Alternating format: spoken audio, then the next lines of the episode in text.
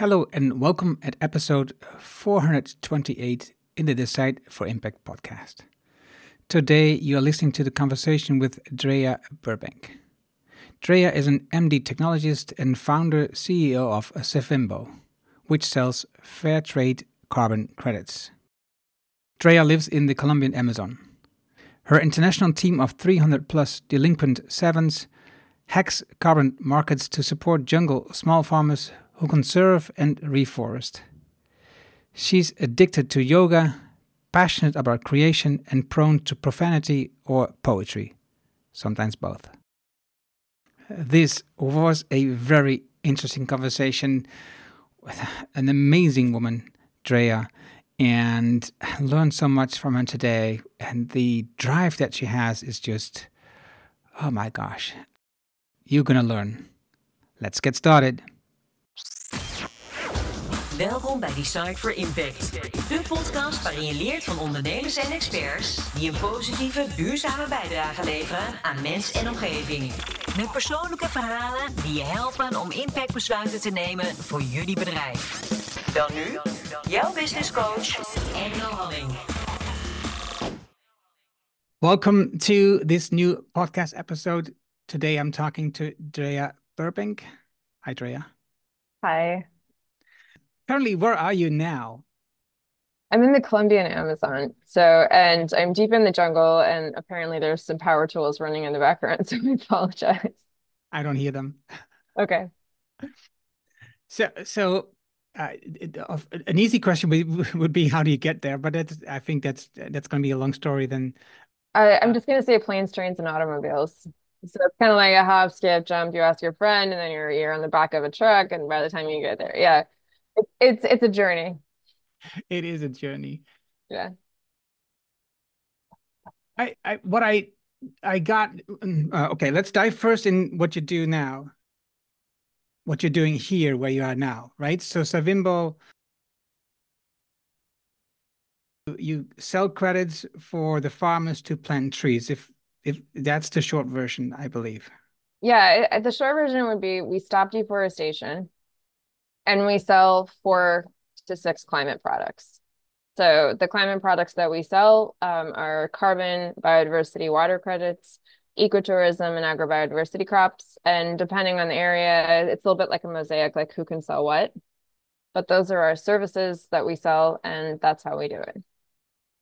And that means that you sell credits to companies who are still polluting. It depends on the company. Some companies are pro-social and like nature positive, and they don't much have much of an impact, but they have, you know, like a lot of tech companies, they have a low operating margin. So there's a lot of disposable cash. And some of those guys are, you know, into tech for good and blah blah blah. So foundations can buy them as an outcome metric, which does reduce some of the intermediary costs because they may not, might not need certification. Um, our biodiversity credits can't be offset, carbon credits can, you know, we're we're selective about the use case and and to, to me i always have with these credit parts i'm not sure. But the main thing is that what i've read from the website is that you help these farmers to to make a living from making a change. We help them get independent. So just a minute i have to ask my staff to get the noise to stop. I'm so sorry. Um, quita el ruido. Yo tengo entrevista, estoy recordando y hay mucho ruido en la, atrás. Yeah. Bueno, okay. Uh, you have to be really like firm with the hammering guys. They love hammering, and and it's like they're like, "What? I can't hammer?" And I'm like, "No, you can't hammer for like a whole 20 minutes." And they're like, "But I was hammering." like this crazy white woman. Uh, okay, yeah. Let me. Actually, that pretty much does sum up what what we're doing here in the jungle because people are like, I was just hammering and that's what I do. Like I hammer, I cut down trees. Why are you getting in my way? And you're just like, okay, just like stop, think. There's an alternative. You can get paid to do something else. Maybe you could get paid to play an instrument. And they're like, you know, so then they're like, well, how do I play an instrument? And you're like, okay, it's not so bad. There's like a few notes. Here's instrument playing. And the next thing you know, they're jamming and happily away on a band and it's good. Yeah, that's what we do. That, that's a metaphor for what we do. In reality, um, we are really good at training technology on the ground in small little pods. Um, we started out as a consulting agency teaching a, a lot of small startups basically how to run their business. And so we're used to teaching people tech skills in kind of a fluid way that's more of an apprenticeship model. And what we were able to do was teach the small farmers and like the kids at the small farmers how to run emerging technologies pretty fluidly. So they were like coding on they were pig farming and then coding on google earth engine in about um, six months. And so that transition to like i can do my own topography i can do this i can build a website all that stuff happened really fast for them. And um, as a result, it kept the operating costs low, and that allows us to work with a group of people that have a higher transaction cost. Is that making sense? Yeah, it does. And I think the way I understood it, so what is it? Why why is deforestation happen happening in Amazon? What's the I haven't I have a feeling what I've learned, but I want to learn from you. What what is it that you think is deforestation? The primary driver of deforestation is one billion people that live in tropical forests around the world. It, it doesn't even matter if it's Amazon or Congo; it's the same behaviors, um, and they're not paid for conservation. There's no money hitting the ground to that those people for conservation. The carbon market was incredibly inequitable like horrifically inequitable. Like the entire 1 billion pe people that actually lived in the forest and should have and needed the financial incentive to conserve because they are the ones that do the logging were excluded from the carbon market from day one. They either didn't have land rights or they didn't have a big enough land plot or they didn't have enough money to pay off their uh, $80,000 and wait three years to have a project.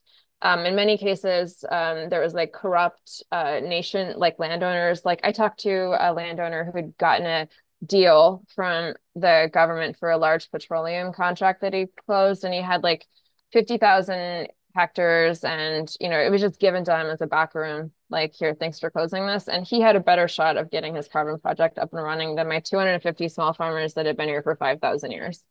So it was just really brutal, and that's why the outcomes were so bad because the wrong people got paid. Like the person I talked to doesn't even live here. He lives in uh, uh, Canada. And I asked him, what indigenous people are on your land? And he says, there's no indigenous people there. I was like, are you kidding me? Like primary forest in the Amazon, of course there's an indigenous peoples there. He just didn't even know because he'd never been there. Yeah, so it's it's it's still the same thing, right? It's still the Western world exploiting um, the poor people. Well, which is why it's so funny that it didn't work because you can't save a planet with the same behavior. Like, you know, what do they say? Insanity is is doing the same thing over and over again and expecting a different result. And I think that is what is so cool about the carbon markets is we tried to do this colonialism thing with the carbon markets and it didn't work at all. And it was so obvious so quickly. And you know, with the last round of colonialism, it was like 200 years of extraction, and oh my God, we ruined the planet. But like, it took a long time, and this time it was like we were actually trying to reach an outcome that was better, and so it was more obvious that that behavior didn't work. And so, Savimbo is about how to save a planet. It's like it's not let's save the planet; it's how to save a planet because inequity is part of the reason we're in this mess in the first place. Mm. And, and the Savimbo project company came from other work that you did, if I understand it correctly. Yeah, now this is where it gets crazy. Uh, everybody likes the result, and nobody likes the backstory where it came from. So, well, I do, I do. okay, well, I'll tell you the tell you the short version. So, I I grew up off the grid in uh, in central Idaho in a fundamentalist religious commune. Nine years fighting forest fires with ex-convicts and gang members and uh, paramilitary or previous military and then um, I went to med school, finished med school, and was like, this is not working for me. And ended up consulting for 10 years in high tech and hard science. By then, I discovered that my IQ was undesirably high.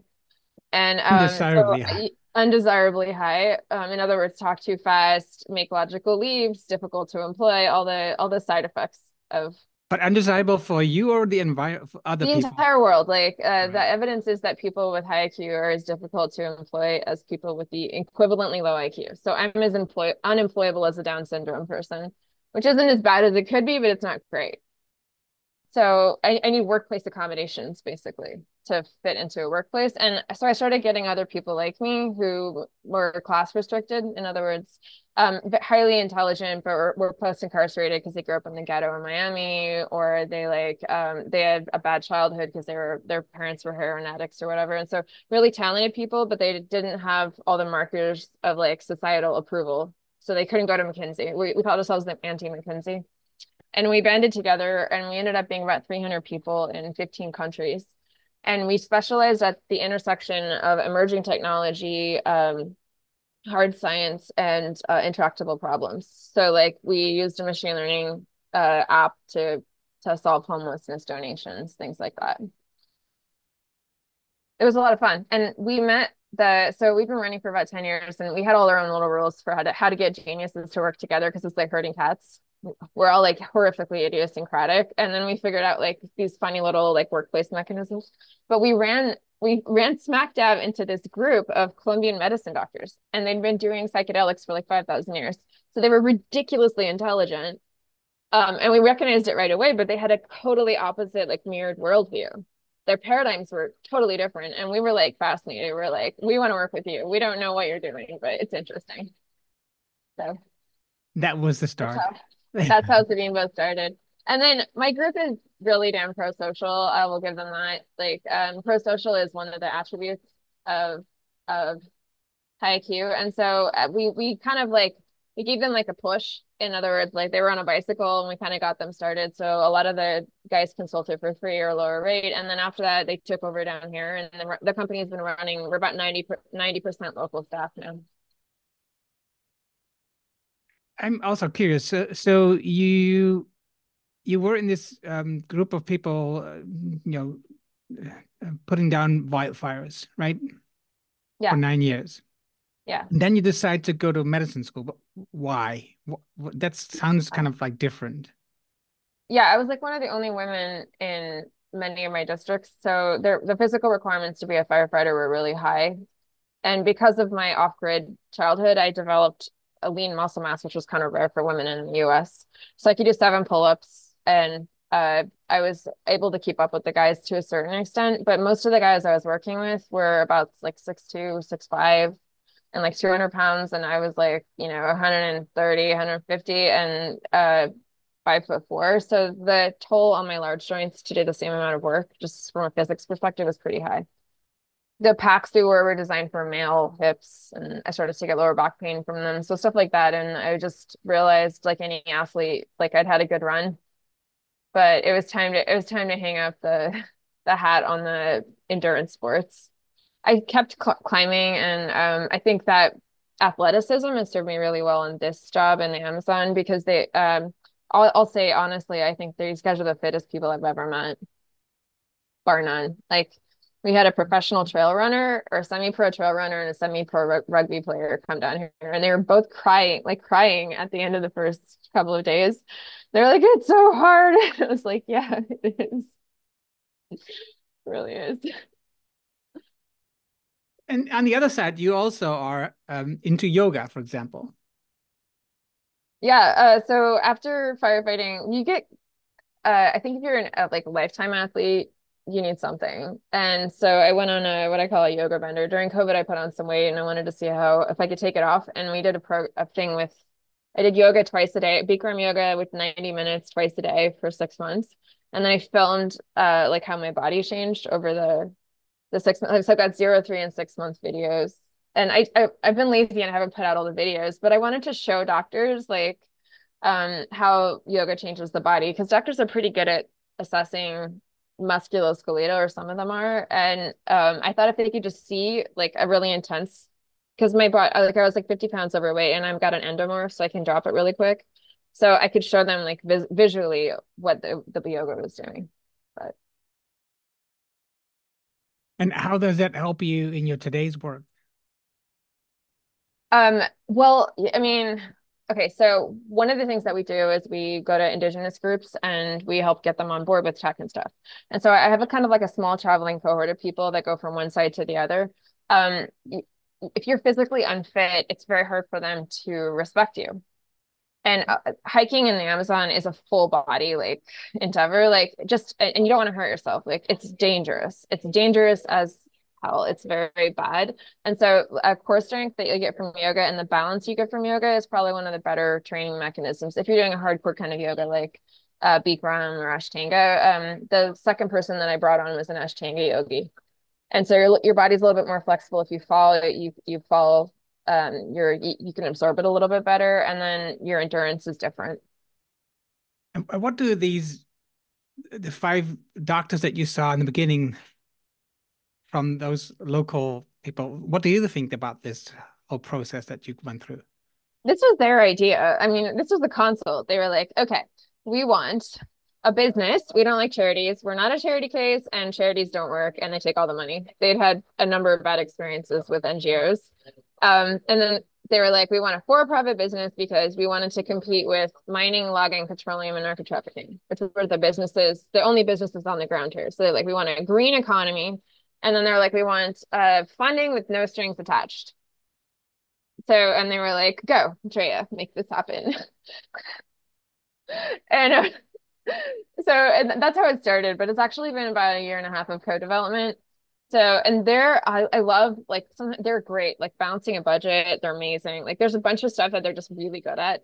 And so it's been a lot of fun to see what they're good at, what I'm good at, and then work together. And we have our fights. Like we had a big fight about uh, trigonometry of all things. We were doing topography and then the, the, the GIS error, because I knew it was like a 30 foot error on the GIS. So we, I was like, working out how to make a geocode accurate with a 30 foot error because we can't afford really good GPS.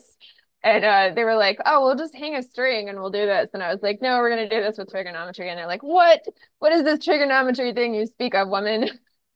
We've been using strings to build houses for 200 years. Like, so we, we have our fights, but they're more entertaining than.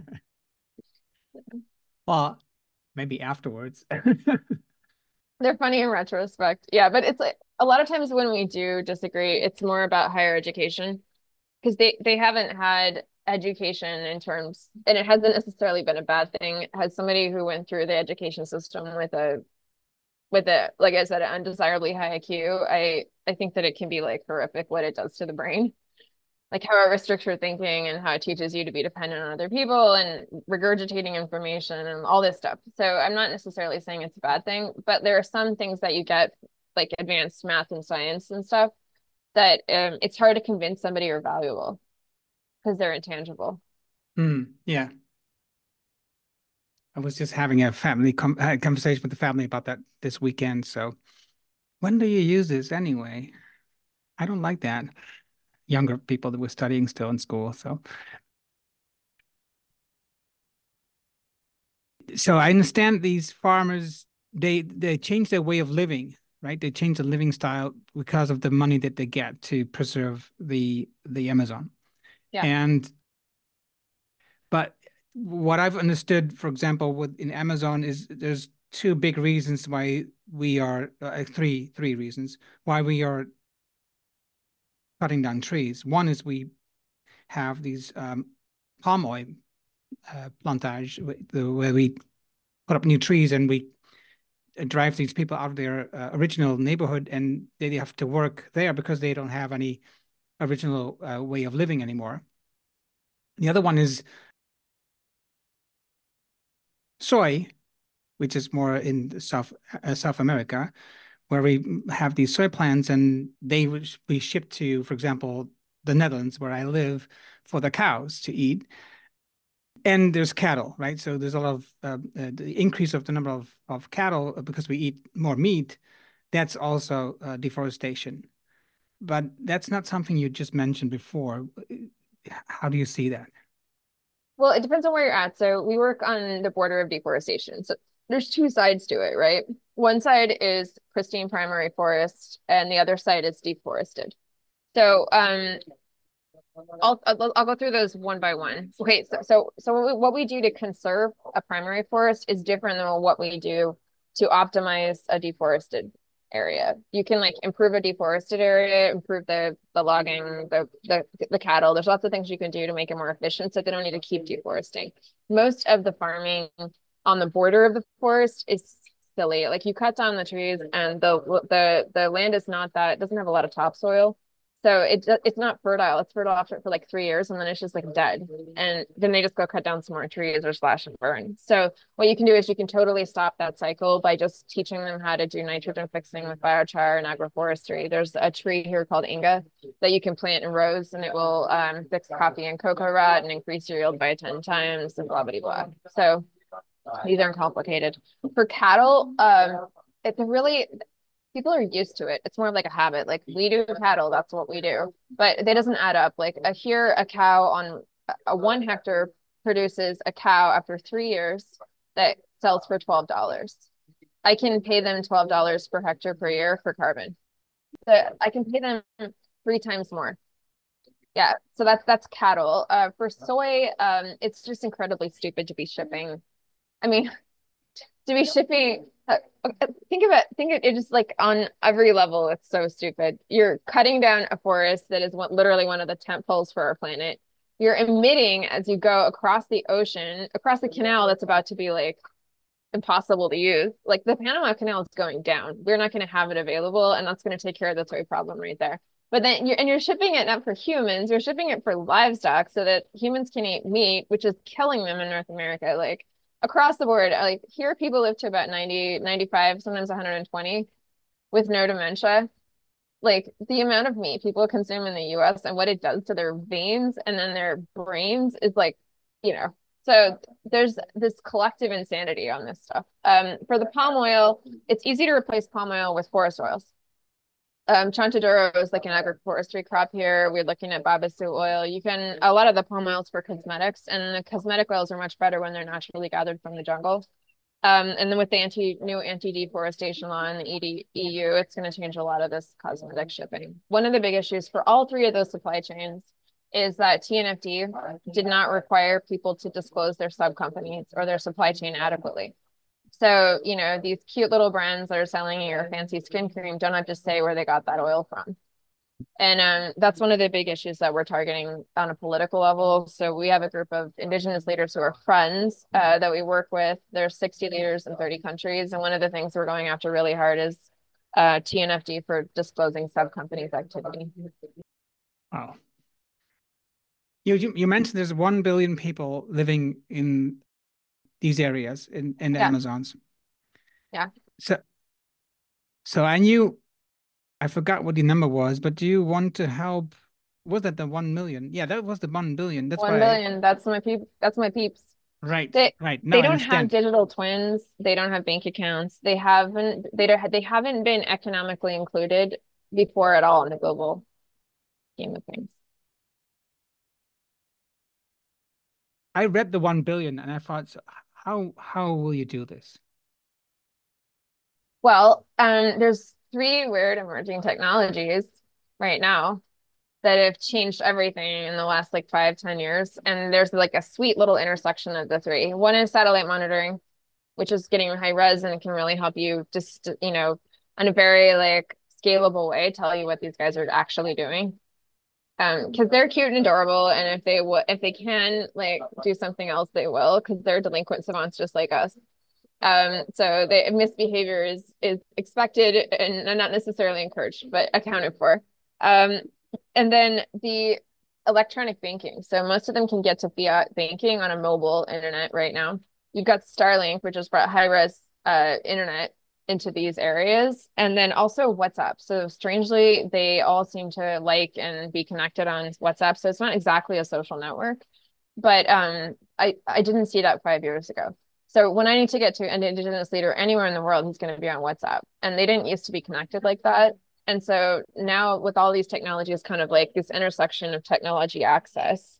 Um, I mean, most humans use fire, and for whatever reason, most humans are using mobile phones, even if they're deep in the jungle. So you can actually do custom software. What they haven't had before is economics and technology just for them. Like they've been using economics and technology of the industrialized world, but our what Savimbo wants to do and what we are doing is making economic economics that work for them. So more tangible, like they'd much rather have a bird in the hand than two birds on the bush, you know, in the bush. So small micropayments are a much bigger incentive and they'll work for much less if they're getting it tangibly in advance. Hmm. Okay. So so uh, how can we help you? How can how can people, how can companies, organizations help you? Yeah, so we Savimbo has a page called Friends. So if you if it's not if you don't need financial, there's all kinds of like weird little actions you can take. I would say that we're a little bit like a movement. Like we've kind of we've we've we crossed the line from like cute little company into like some weird symbol of like, oh my God, this actually could work. So and and so that's one way you can help. Uh, we always need capital, and we're always happy to grow. I have ten indigenous groups beating down my door riding on a mopeds, demanding their video cameras. We want to start crediting biodiversity right now. So um, growth capital would be highly appreciated.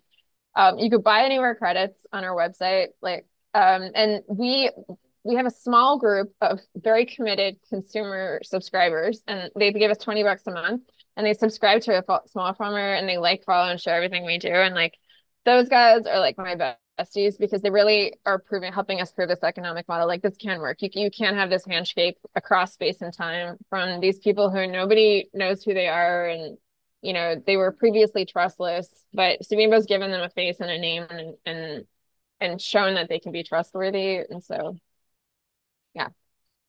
and i i've noticed you have like okay you have four different kinds of credits you've mentioned them before but you also have like a gift Oh yeah, the planet gift. Yeah, everybody's always giving people shitty gifts. Like, sorry, I shouldn't say shitty, but you know, you know, you get invited to a birthday party, you're like, oh my God, I didn't think of anything. And then you go out and buy some crappy piece of plastic so you don't show up with empty handed. I was like, um, just if you don't know what to give, give the planet gift. Like, it's cute. You, so they get the package, like, uh, I think they get a tree credit, uh, uh, biodiversity credit, uh, water credit, and a, and a 10 year carbon credit. And then they get like this happy like planet gift like hey i gave you a planet. I'm thinking now back to what you just said. So you you can give these farmers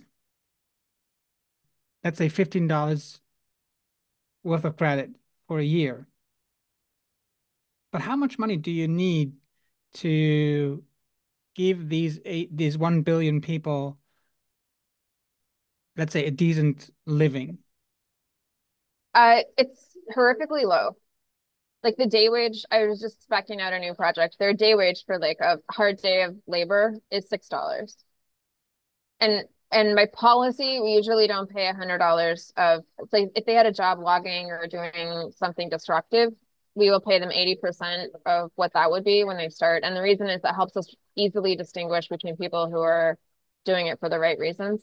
So if they take a pay cut to work on conservation, and then we usually creep the wage up over time. So they'll start lower than they would be getting for, and that we never overpay on, on the ground at the beginning. Um, they can make more money later, but so we try and match the current behaviors and then get people to choose to switch for their own motivations. And that helps us decide who to work with. We have a lot of tips and tricks for like working on the ground because humans are human they, you know they're not perfect just because they're living in a tropical forest and deciding who you can trust in that setting is half of the battle um, this project worked because johnny was my, my two partners were johnny and fernando um, they were both very very very ethical when it came to distributing funds um, they just didn't care about money and they made sure everybody around them whatever they, they got they made sure everybody around them had.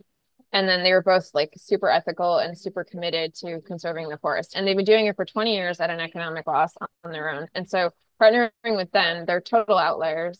Partnering with them brought all the right people and it was a huge part of the project's success. So you can't just like show up with you know 100 bucks and say wave it around and be like hey i'm in the jungle. Anybody want to work for me? It doesn't work like that you just start with the right people. Um, and then once you start with the right people you've created a social hierarchy with desirable social behaviors. And then your people want to they want to be like those people. So you've incentivized positive social identities within the community. And it's really easy to get kids who are like hey i want to be like johnny follow him around. Johnny is obviously pretty cool. And the behavior change is viral and very effective i hope that wasn't too much wandering no no and, and i i think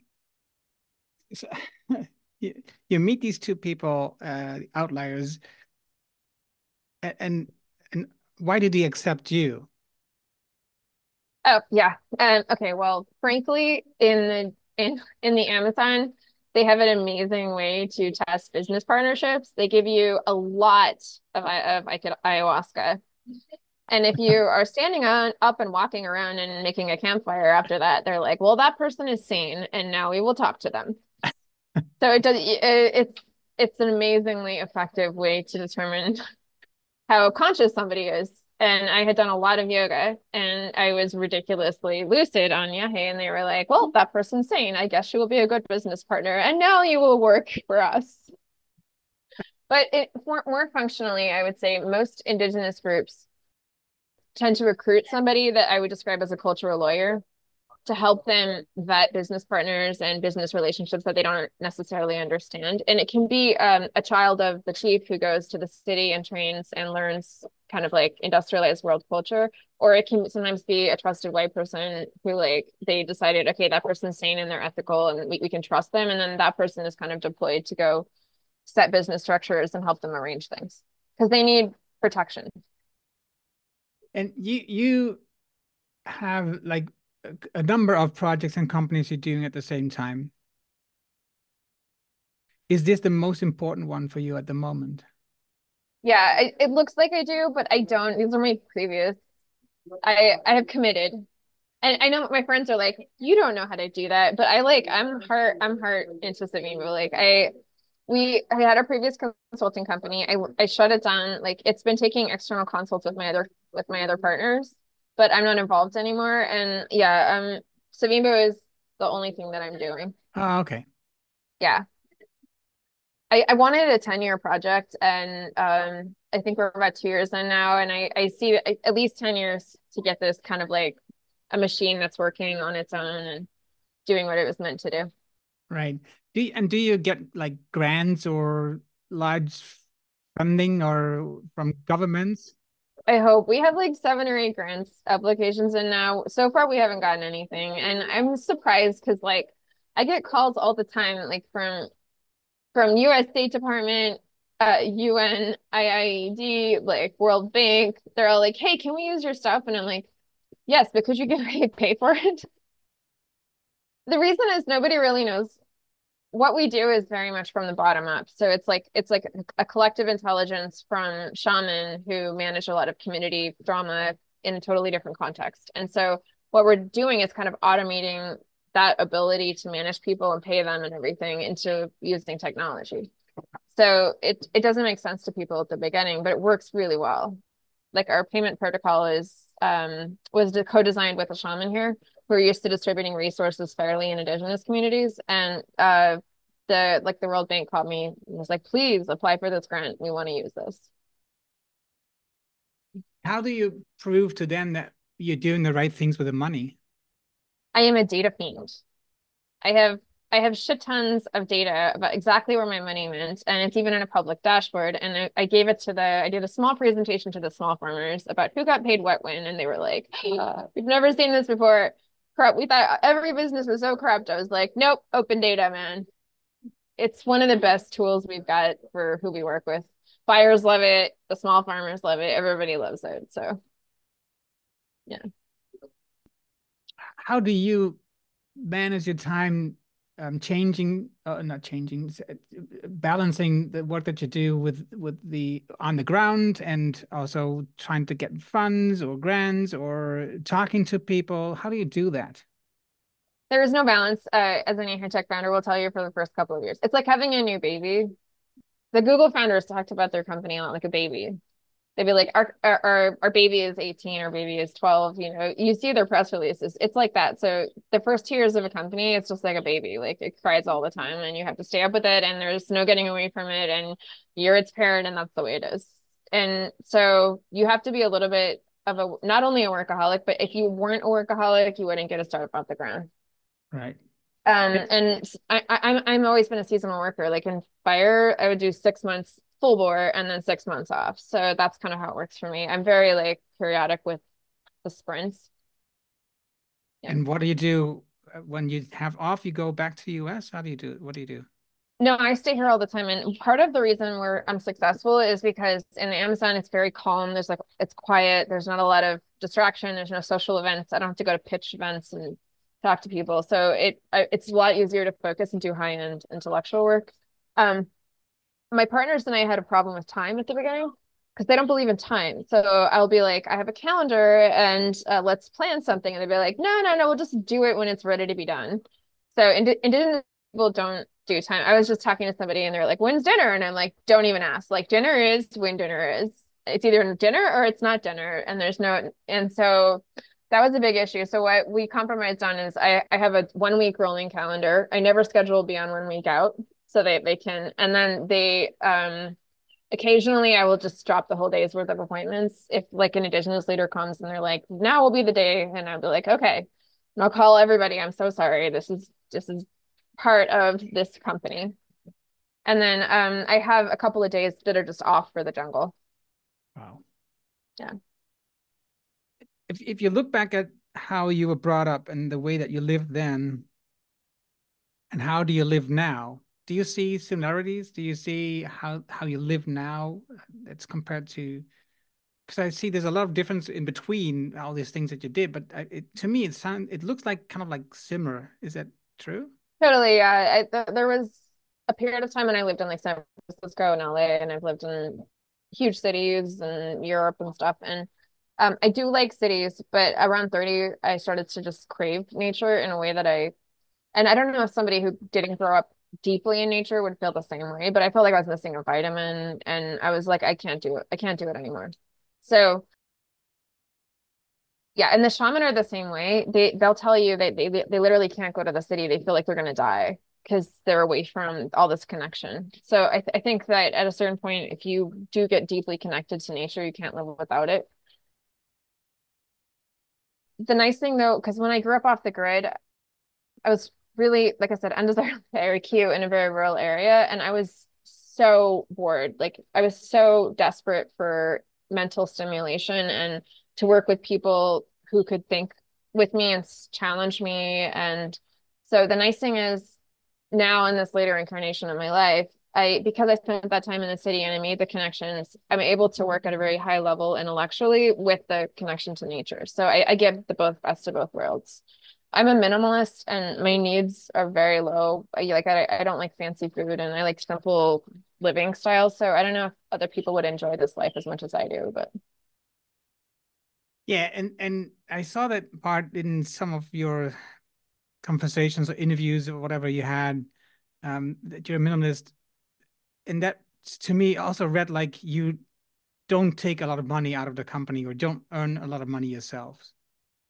No, I don't need it. Like uh, my my money is goes back into Savimbo, so yeah, because my cost of living here is very low. Um, I can redistribute whatever salary I'd be taking. And that is a huge part of our success. I mean, if you look at the operating budget for most startups and how much the CEO has to take, like it's like 100K a year to live in San Francisco minimum. And that's like a poverty level. Um, and so that's a hundred thousand dollars you can put back in. And when you have a group of people that live on six dollars a day, that goes a long ways. And they will work their hearts out for like, you know, these are people who would be doing a labor job with a pickaxe. You give them a computer and they will they will knock it out of the ballpark. So the performance and the commitment and the the quality and the excitement about the work that I get working with local staff, yeah. To me, I, I, have this question, which is about enough, right? So when do we have, have enough? I think that's something that you've got answered for yourself. Yeah, but you know what? I what I realized, it's this is why Johnny Fernando and I are such a good founding team. Every single one of us doesn't want anything more out of life. And we were that way when we started. Now, I'm not saying we have anything. Like we, I think all three of us were living out of a backpack. Like none of us owns a no, I think Johnny and Fernando, they, they they own homes, but like we're we're kind of in this collective living situation with where somebody gave us a house to have the business and you know. All of us founded the company to give back. And I realized about the first year of the company, some business partners worked, some didn't. And there was a huge difference and the difference was anybody that joined the business because they had enough and they wanted to give back was successful.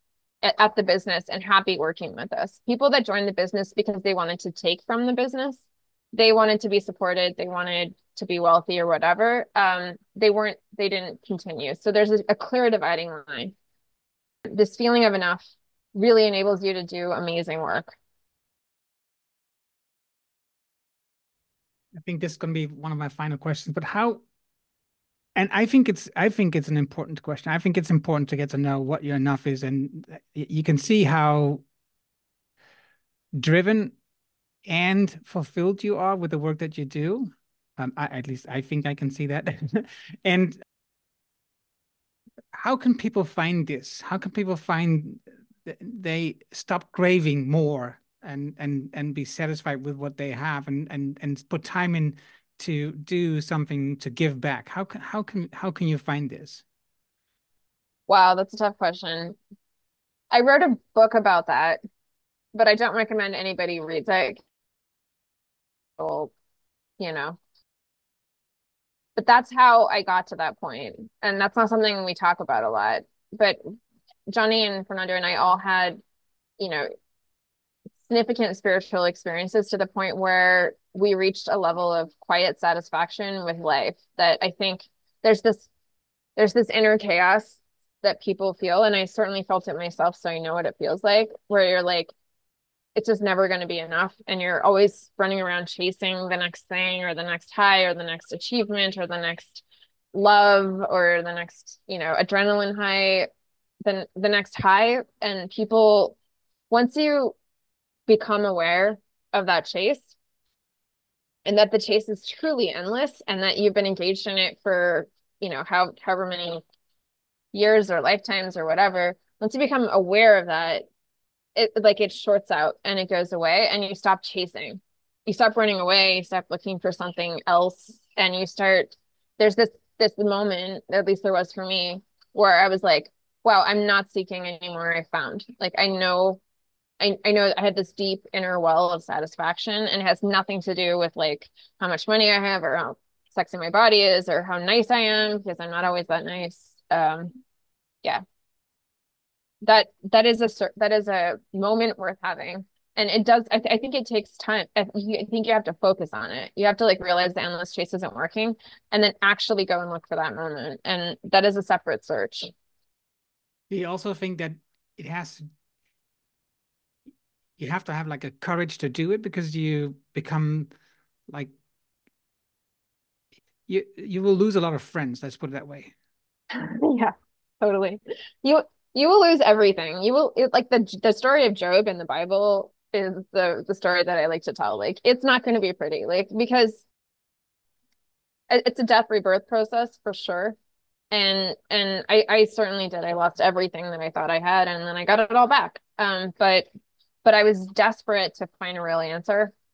And I was, I, I just become aware, like, you know, that whatever it was that I was engaged in wasn't taking care of that inner chaos, that inner like lack of meaning that I was still trying to fill. So I, I became really, really obsessed with I have to fix this. And I'm so glad I did because I did fix it. But um, people are terrified that if they confront the inner core of what they are, they're going to find a horrible, dark, ugly, you know, demon thing, you know, or if they confront the core of the universe and like they're going to find like a huge black hole, you know, endless nothing forever. And that's not what I found. Everybody is going to have their own journey, but that's not what I found when I looked. But it took a lot of courage to go look there. I saw I saw the the short video of you saying what are the five tips or advice that would give you your younger self. That was interesting too, because you know, describing the dark periods that you were going through, that's just yeah, that's a it's a difficult phase. Yeah, and and when when I looked at that video, I I I was I would see how difficult time you went through and you're trying to give your younger self advice of how you could conquer that or how you could you know at least see that, that uh, there's something better coming right? You have to go through this phase. So i can understand um, that you know that was a very difficult phase for you. But you know, again, you have now this beautiful um, place where you're at, and this company and this drive and these goals that you have to help these one billion people.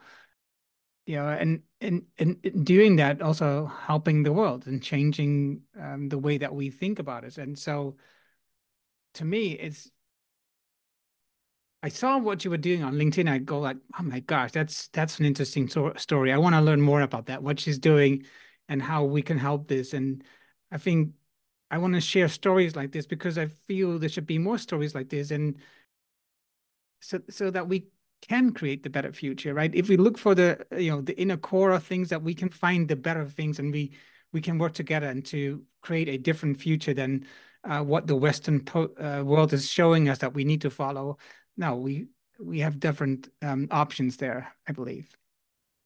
I think that look at how many people watch zombie apocalypse movies in the US. There's a very big collective subconscious that like the future is going to be awful and you know and I I don't believe in that. Um, there was a man, Charles Dabrowski, studied giftedness during um, World War II and he was in Poland during Nazi occupation and he was working with gifted kids who were autistic sometimes and he was trying to save their lives because at the time they were euthanizing children that were disabled um, and so he ended up doing a lot of research on giftedness and what it looks like and and how it can sometimes look like a pathology but that it's worth keeping around. And so he wrote passionate research studies and and really beautiful work on behalf of these and he managed to save like an entire like home full of gifted kids um and autistic kids. And he wrote uh he wrote he did a bunch of research on positive disintegration. And it's the concept that like we we might have the wrong model for what a fully realized human looks like. And his argument was that we don't linearly improve we improve like a phoenix. We burn ourselves to ashes and then we rise out of the ashes. It's a death rebirth cycle for human development. And yeah my my childhood was brutal and my early early 20s were brutal and my 30s were brutal and i have been through all these like death rebirth cycles in my life and i i'm okay with it now.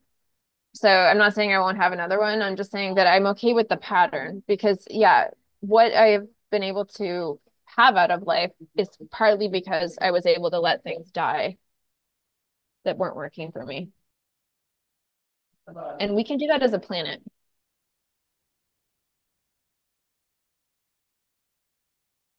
Uh, oh, oh, that's an interesting. Oh, that last one. That's an interesting ad. How how do you see then?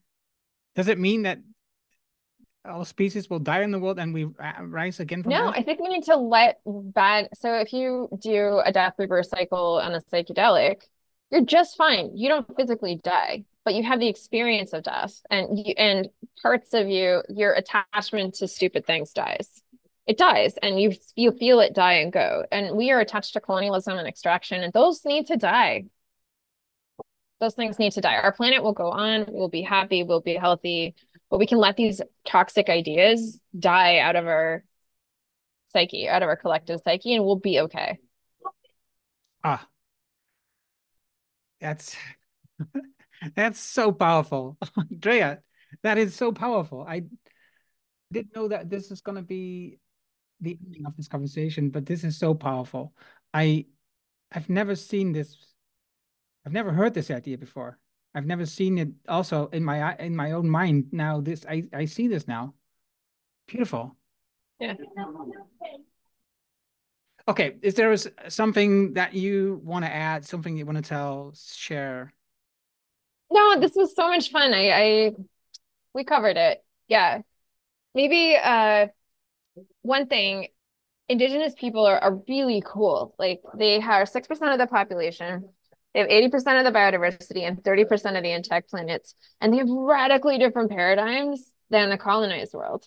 And it takes a while to kind of figure out the paradigms. And once you get them, the paradigms are pretty universal. And I think that they present probably the biggest hope. There's there's this false belief that they are retroactive living like cavemen out in the woods chewing on bones and the reality is is that they're not they live in harmony with nature and they can be very very very intelligent um, and so i do think I, am not writing indigenous romanticism but there's like DNA and information there that we could really access in order to kind of balance this new life. And that's what I'm excited about.